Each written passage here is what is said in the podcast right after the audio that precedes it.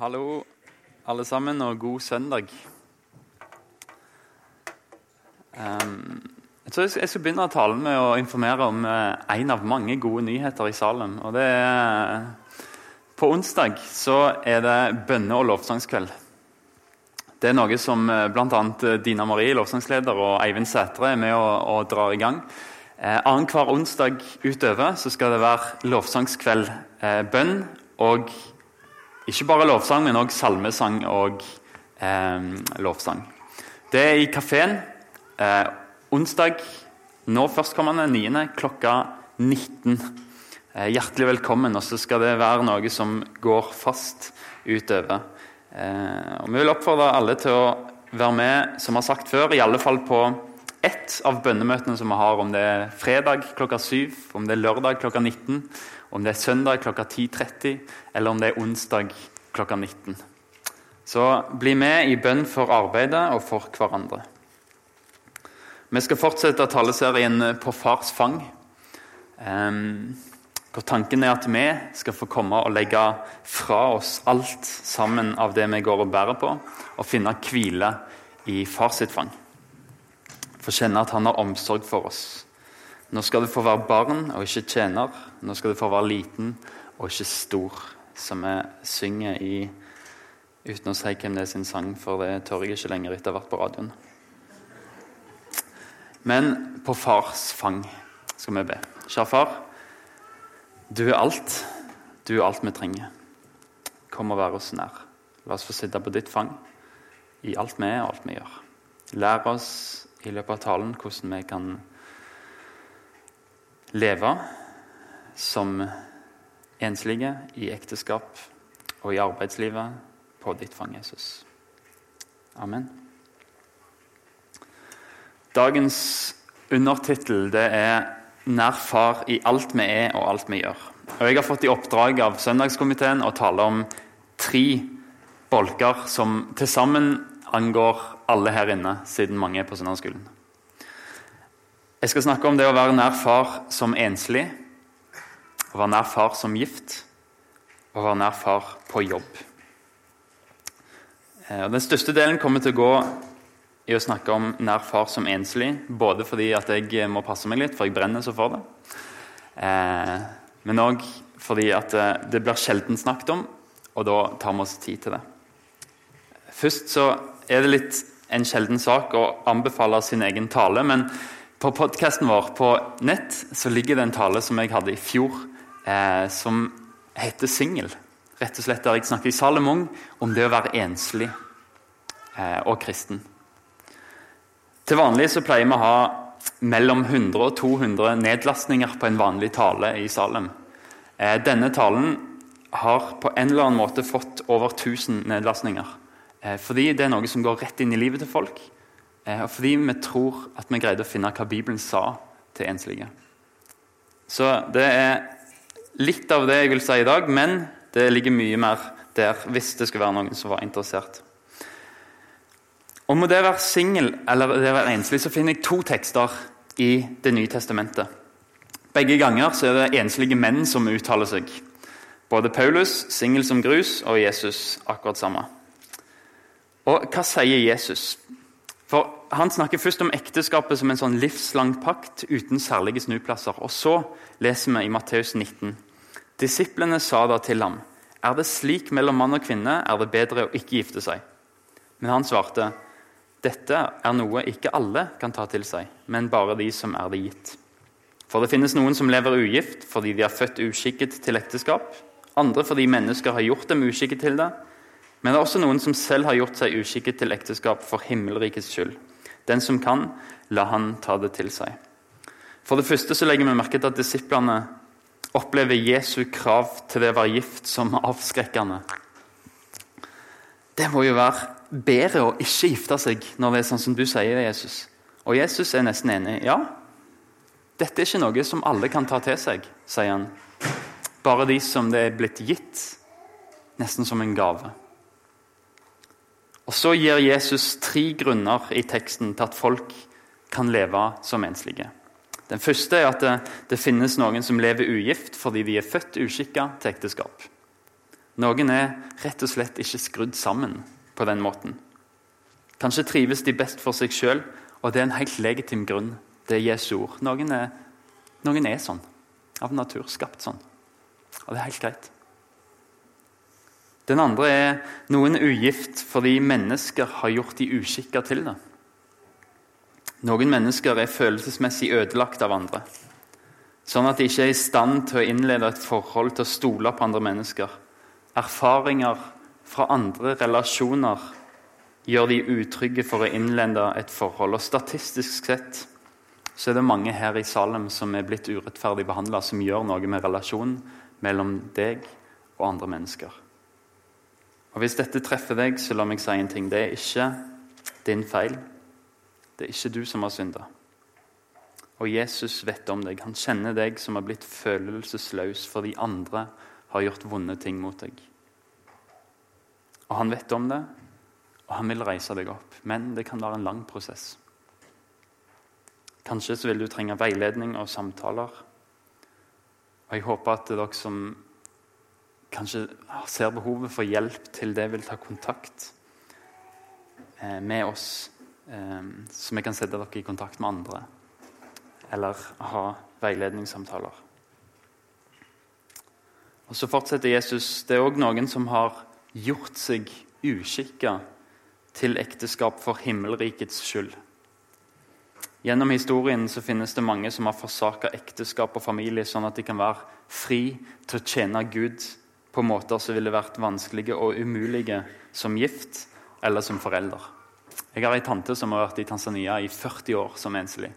Hun har bygd opp en sykepleierskole som har fått utrolig mye si for Tanzania. Det kunne hun aldri gjort som gift eller som mor.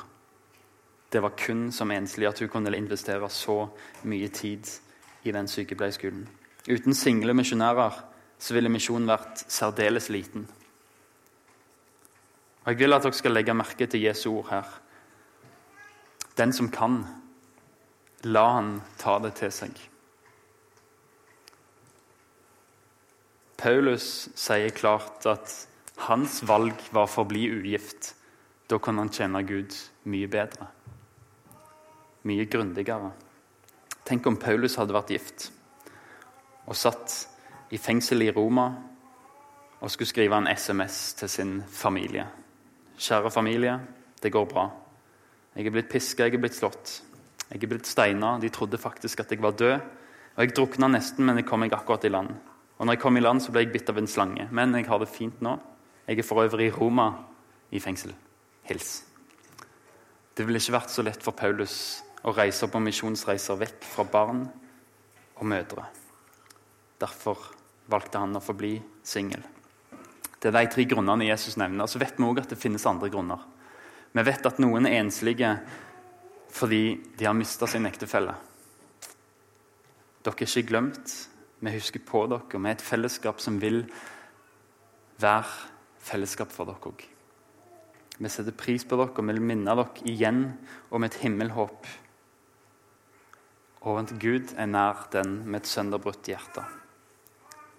Og så vet vi òg at eh, det fins folk som er skilte.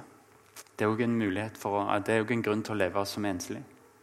Men vi er der for dere òg. Vårt fellesskap har plass til alle typer enslige og alle typer gifte. Det er fordi vi speiler Jesus, som har rom for alle. Og der har vi òg lyst til å ha rom for alle. Og så vet vi òg at det er noen som er enslige fordi de enkelt og greit ikke har funnet en de vil dele livet med ennå. Og Paulus skriver til denne, denne gruppa i 1. Korinterbrev 7, og han er klar på at det, er bedre å være enslig. Det er enklere å fokusere på det som er viktig, forholdet til og tjenesten for Gud. Å være singel er bedre fordi det er lettere å være hengiven til Gud. 1. Korinterbrev 7. Jeg vil at dere skal være fri for bekymringer. Den ugifte har omsorg for det som hører Herren til hvordan han kan være til behag for Herren. Men den som er gift, har omsorg for det som hører verden til. Hvordan han kan være sin kone til lags. Og så blir han splittet. Den ugifte kvinne og den unge pike har omsorg for det som hører Herren til, for å være hellig både på kropp og sjel. Men den gifte kvinne har omsorg for det som hører verden til. hvordan hun kan være sin mann til lags. Dette er ikke for å rakke ned på oss som er gift. Jeg har ei utrolig god kone, jeg er utrolig glad for det og stolt over det. Men Paulus skriver faktisk dette. Og så vet jeg at det å være enslig når en ikke ønsker det, kan være tungt. Det kan være ensomt. Men det å være enslig, det kan òg være en gave. Det er bare vi som ikke har snakket om det som en gave. Det er ikke en gave i seg selv å være enslig, men evnen til å leve et fullt ut tilfredsstillende liv uten ekteskap, det er en nådegave som du kan stole på at Gud vil utruste deg med. Mening og helhet det trenger du ikke nødvendigvis finne i en menneskelig relasjon, men i en relasjon med Gud.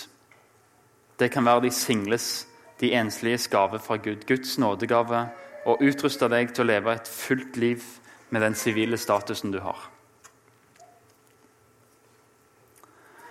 Når det gjelder det å være på fars fang som enslig, det å sitte på Guds fang, så er Paulus helt sikker i sin sak. Det er mye enklere å være en disippel når du er enslig. For en disippel er en som bruker tid med Jesus, og en ugift kan sette av mer tid enn det en familieforelder kan gjøre. Og Kanskje er du enslig ennå fordi Gud vil bruke mer tid til å gjøre noe i og med deg. Og Hvorfor rushe den tida der du har masse muligheter til å bruke tid alene sammen med Gud? For det er en fantastisk mulighet å være enslig og bruke tid med Gud for at han kan jobbe fram gode karakterer i deg, for å bære fram åndens frukt. Og så tror jeg det er viktig å si på, på tvers av de oppfatningene som vi har lagd oss i kristen kultur, i kristen sammenheng Det å være enslig det er ikke en holdeplass. Det er ikke en venteplass der vi venter på noe bedre. Det er en del av veien. Enten til å bli en god ektemake eller til å bli en helstøpt enslig i Guds rike. Det ene er ikke mer verdt enn det andre. Det har vi lett for å uttrykke i måten vi snakker på, at, at det er bedre å være gift. Men det er, mer, det er ikke mer verdt å være gift enn det å være enslig. Det er ikke et A-lag og et B-lag. Og Til dere enslige så er det en sannhet som er verdt å holde fast på blant mange sannheter. Men det er at Gud er tydelig på at det å være singel, enslig, gir noen klare fordeler. Ikke glem det. Men hvis han gir deg en ektefelle, så ta imot med takk. Og Forblir du enslig, så takk han for at han utruster deg til å leve et liv som er helt og fullverdig. Men min oppfordring er å bruke muligheten, den tilværelsen som enslig gir. Bruk tid med Gud, la han få virke i deg. La han få påvirke deg sånn at den tida kan få være en utrustning til enten bli en god kone eller en god mann, eller en utrustning til å gjøre tjenester for Gud som ingen andre kan gå inn i. Det er ikke mindre verdt å være enslig. Det er en myte vi har skapt. Bibelen sidestiller ekteskapet og tilværelsen som enslig. Men Paulus holder faktisk en knapp på tilværelsen som enslig. Fordi jeg tror det, han så at det, en, det å være enslig hjalp han til å bli bedre kjent med Jesus. Og det, alt som hjalp Paulus å bli bedre kjent med Jesus, det var så utrolig mye mer verdt for han enn alt annet.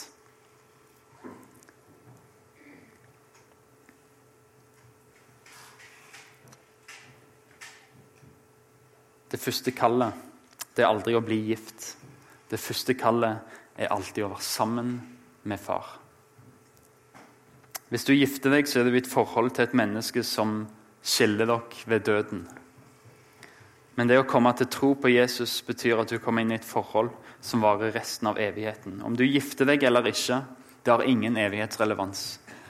Du får ikke gifteringen med deg til himmelen. Det viktigste er ikke om du er gift på jord, men om du faktisk har evig liv. Lev på jorden med evige hensikter. Det er bare én som kan være din evige brudgom, og det er Jesus. Han spør ikke om du er gift eller ikke. Han spør om du vil ta imot hans frelse, om du vil tjene han. Jeg skal snakke litt om det å være nær far som gift òg. Sist gang jeg hadde talen, så snakket jeg bare om det å være enslig, og kona satt litt bekymra igjen. Eh, men det er ufattelig bra å være gift. Eh, og litt til oss. For Jeg skulle ønske at denne talen kom tidligere i semesteret, for da kunne jeg reklamert for det ekteskapet som pågår nå i Salem. Sju kvelder om å være to. Jeg og Jeanette er med sammen med 20 andre par. Og det er ufattelig bra kurs. Kurset er faktisk helt fantastisk. Neste runde dere må melde dere på, dere som gift. Det er faktisk så utrustende for ekteskapet.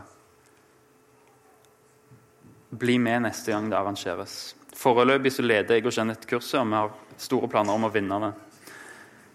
Men vi lærer utrolig mye om å være gudfryktige ektepar. Hvordan kan gifte par leve på fars fang? sånn som alle andre. Bruke tid på fars fang. Jeg snakka litt i forrige gang jeg på søndag om Martha og Maria. At det kan være vanskelig i tidsjaget en lever i som familie, å finne tid til sånn Maria-tid med Jesu føtter. Og Da tror jeg det er viktig at dere som ektepar prøver å hjelpe hverandre til det. Til å finne den Maria-tida. Én kan være Martha en liten stund og ta barna.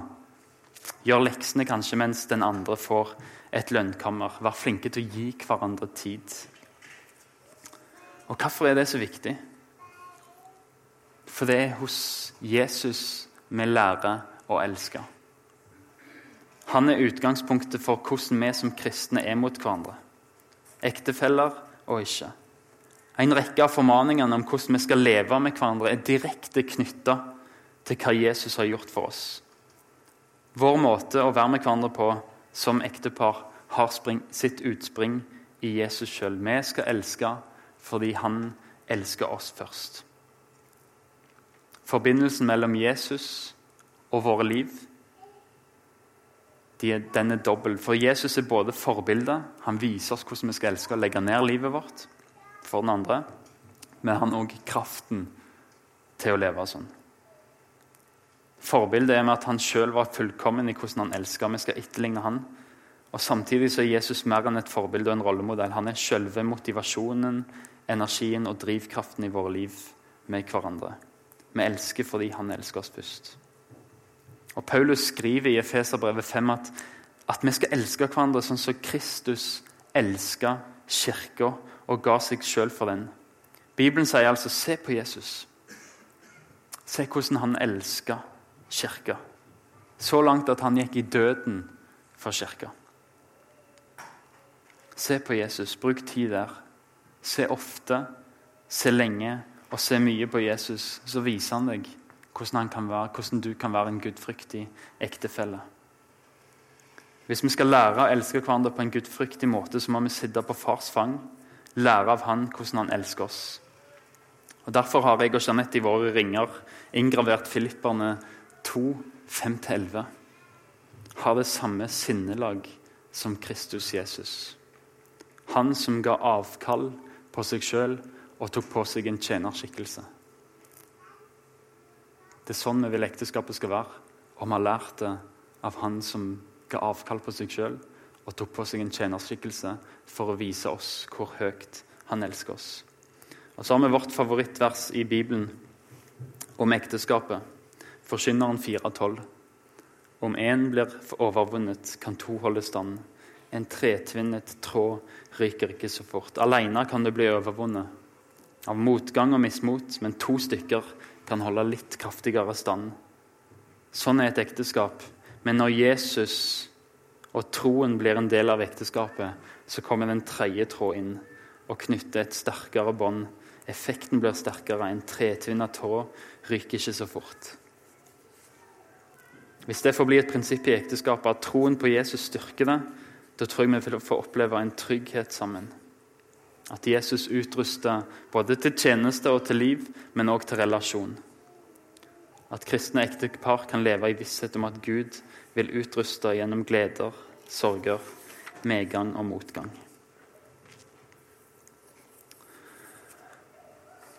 Det å ha tre tema i en tale det blir veldig sånn oppstikka.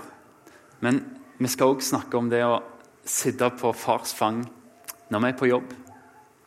Og Jeg er klar over at en tale blir litt sånn strøtanker. Men ofte når jeg hører taler, så er det strøtankene som gjør at jeg begynner å spinne videre og går ut derfra med en ny tanke i hodet eller hjertet som leder meg i livet. Og det håper jeg det kan være i dag òg. Men det å være nær far på jobben Jeg vet ikke om det er tungt å være kristen på jobb og skulle være et vitne for alle som er eh, Ofte er det sånn du kan le og kose deg sammen med kolleger i lunsjpausen og ha det utrolig bra, helt til du plutselig kommer på at Oi, jeg må jo fortelle om Jesus. Og så kryper skuldrene opp dit, og så blir resten av samtalen som om den er plukka ut av et avhør. Og så blir det, fryser det helt til når du tenker Oi, jeg må fortelle om Jesus. Ofte så tror jeg at vi tenker at vi må prestere for Jesus på jobb. Og Det er ikke noe feil i å gjøre det, å gjøre alt for han, men utgangspunktet kan bli feil. Vi kan bli slitne hvis vi tenker på at vi sjøl skal bane vei for en samtale om Jesus. Jeg tror hemmeligheten her òg er å starte på Guds fang. Hvis du er allergisk mot parfyme, kan du rekke opp hånda? Det er ingen. Da skal vi gjøre et stunt. Eh, Jeg skal ta meg en runde, og så vil jeg hilse på noen. Og så vil jeg at deg som jeg hilser på, skal du bare hilse videre på noen andre. God søndag, Tore. Hyggelig å se deg. Bare hilse litt videre. God søndag, Olav Rune. Hyggelig. Hei, hei. God søndag. God søndag. Ta en runde her. God søndag. Hei. God søndag. Så hyggelig. Så mange fine og flotte folk her. Kanskje hilse på deg òg. God søndag. Bare hilse litt rundt dere. dere som er... Oi, Sondre, du ser veldig bra ut i dag. God søndag. Dag Inge, som alltid ser fantastisk ut òg. God søndag. Og forsangerne her. En av dere skal få hilse på meg. God søndag. Så får du bare hilse litt rundt. Uh, det er et, uh, noen kan kanskje synes at dette lukter veldig ubehagelig, men Hvem, kan, kan dere jeg hilste på, rekke opp hånda? Dere som jeg hilste på. Eh, og så kan dere som ble helst på av dem, rekke opp hånda. Og så kan alle sammen som rekker opp hånda, nå kan dere lukte på hendene deres. Og så kan alle som lukter Fears av Abercrombie og Fitch, rekke opp hånda. Det er så godt som alle. Og hvorfor lukter du parfyme? Det er fordi du har vært i kontakt med meg. Jeg spraya hendene mine, dere så det jo. Og jeg er utgangspunktet. Og så er det spredt til mange fordi du var nær meg eller i kontakt med noen som hadde vært nær meg. Paulus skriver i 2. Korinterbrev Jeg kom til Troas. Der hadde Herren allerede åpnet en dør for meg. Gud være takk, som i Kristus alltid fører oss frem i triumftog og gjennom oss sprer duften av kunnskapen om Han overalt. For vi er Kristi vellukt for Gud, blant dem som blir frelst og blant dem som går fortapt. En duft av død til død for dem som går fortapt, en duft av liv til liv for dem som blir frelst. Hvem er vel i stand til dette? Herren hadde åpna ei dør. Jeg bare var der og lukta av Jesus. Jeg lukta kristenmanns blod. Og Så spør Paulus hvem er i stand til dette. Gud som fører oss fram i Kristus. Der blir vi smitta. Vi er ikke i stand til det, men vi er i Jesus. Vi er på fars fang, og der blir vi smitta. Der begynner vi å lukte Kristi vellukt. Vi får bli forma til å bli mer lik Jesus. Vi får sitte på hans fang, og parfymen hans sprer seg til våre hender, til våre lepper, til våre øyne, til våre ører. Når vi går og snakker med folk på jobb, så ser de her er det noe her er det en parfyme jeg ikke har lukta godt, ikke har lukta før. Det starter hos Jesus. Det starter på fars fang. Vi må til han. Vi må bli smitta av han. Og så kan vi gå ut og spre det. Og så vil det bære preg på de vi møter. Og Det fascinerende med Paulus er at han ikke gir seg med dette bildet. Han fortsetter over i neste kapittel, og så skriver han dere er Kristi brev, blitt til ved vår tjeneste. Dere er ikke skrevet med blekk, men med den levende Guds ånd. Ikke på steintavler, men i hjerter, på tavler av kjøtt og blod.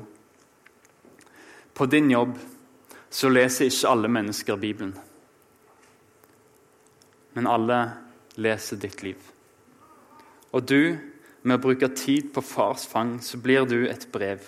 Han skriver i hjertet ditt og bærer fram åndens frukter. Og så skaper han en Jesus-lik karakter i deg. Der blir du hans brev, på far sitt fang. Ikke i den samtalen der skuldrene trekker seg opp og det blir et avhør, men der du bare får være hos far, se på han, se mye på han, se ofte på han, og så bare gå ut og vise hva han har vist deg. Du blir hans brev. Og forteller om Jesus på jobb og andre steder, det starter med å være nær han som gnir av si lukt på deg, og som kan begynne å skrive et brev til andre i ditt hjerte. Og Paulus fortsetter denne tilliten har vi til Gud ved Kristus. Vi er ikke i stand til å tenke ut noe på egen hånd. Det er Gud som gjør oss i stand til det. Og vi som uten slør for ansiktet ser Herrens herlighet som i et speil, vi blir alle forvandlet til dette bildet, fra herlighet til herlighet. Og dette skjer ved Herrens ånd. Hvis vi skal oversette det til vår tematikk, så sier han når du sitter på far sitt fang, så begynner folk å se far i deg. Ikke i det du gjør sjøl, men i det Den hellige ånd gjør gjennom deg. Ser du nå at det ikke handler om å prestere? Ikke som enslig, ikke som gift, ikke jobb. Det handler om å sitte på fars fang, og så vil han gi deg kraft til der du er i livet. Han sprer sin vellukt på deg og med deg. Han vil skrive ditt brev i ditt hjerte, så andre mennesker kan lese om han. Skal vi be. Kjære far. Takk for at du har en karakter som smitter. Hjelp oss til å være på ditt fang der vi kan bli smitta. Der vi kan få de lukt på oss, der du kan skrive ditt brev i våre hjerter. Far, gi oss visdom til å sette av tid til å være på ditt fang. Både som enslige, som gift. Hjelp oss til hverandre til å Gi hverandre tid til det. Og på jobb, Jesus, bare la oss få hvile i at det er du er og det er du som skriver brevet. Men hjelp oss til å sette av tid. Jesus. Gi oss visdom, sånn at vi vet hva tid vi har anledning til å sitte på ditt fang. I ditt navn. Amen.